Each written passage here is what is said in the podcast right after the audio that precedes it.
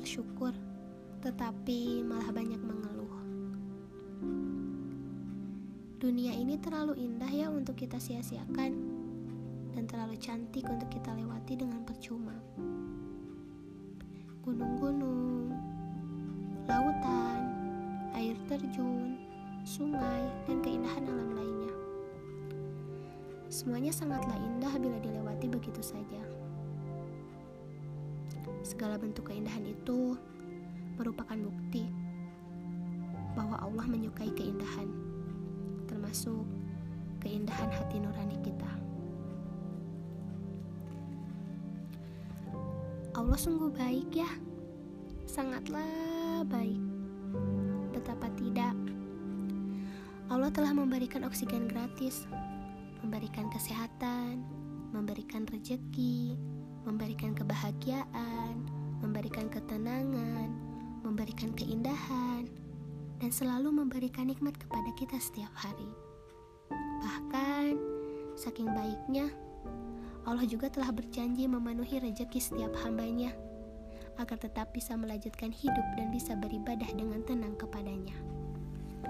Tapi sayangnya, dari nikmat yang melimpah ruah itu, kadang lupa sekali untuk bersyukur. Bahkan malah mengeluh dan selalu merasa kurang dengan segala hal yang Allah berikan kepada kita.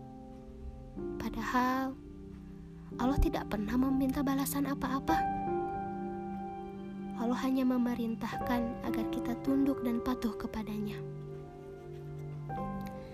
Dalam Quran surat Ibrahim ayat 34 yang artinya Dan dia telah memberikanmu keperluanmu dan segala apa yang kamu mohonkan kepadanya.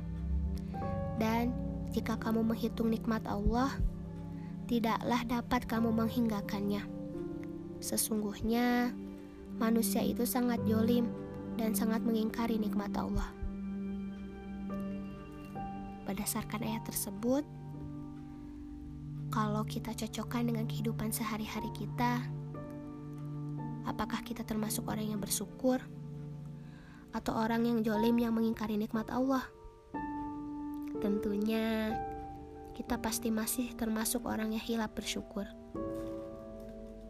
Bahkan sering merasa kurang dengan segala nikmat yang Allah Subhanahu wa taala berikan kepada kita.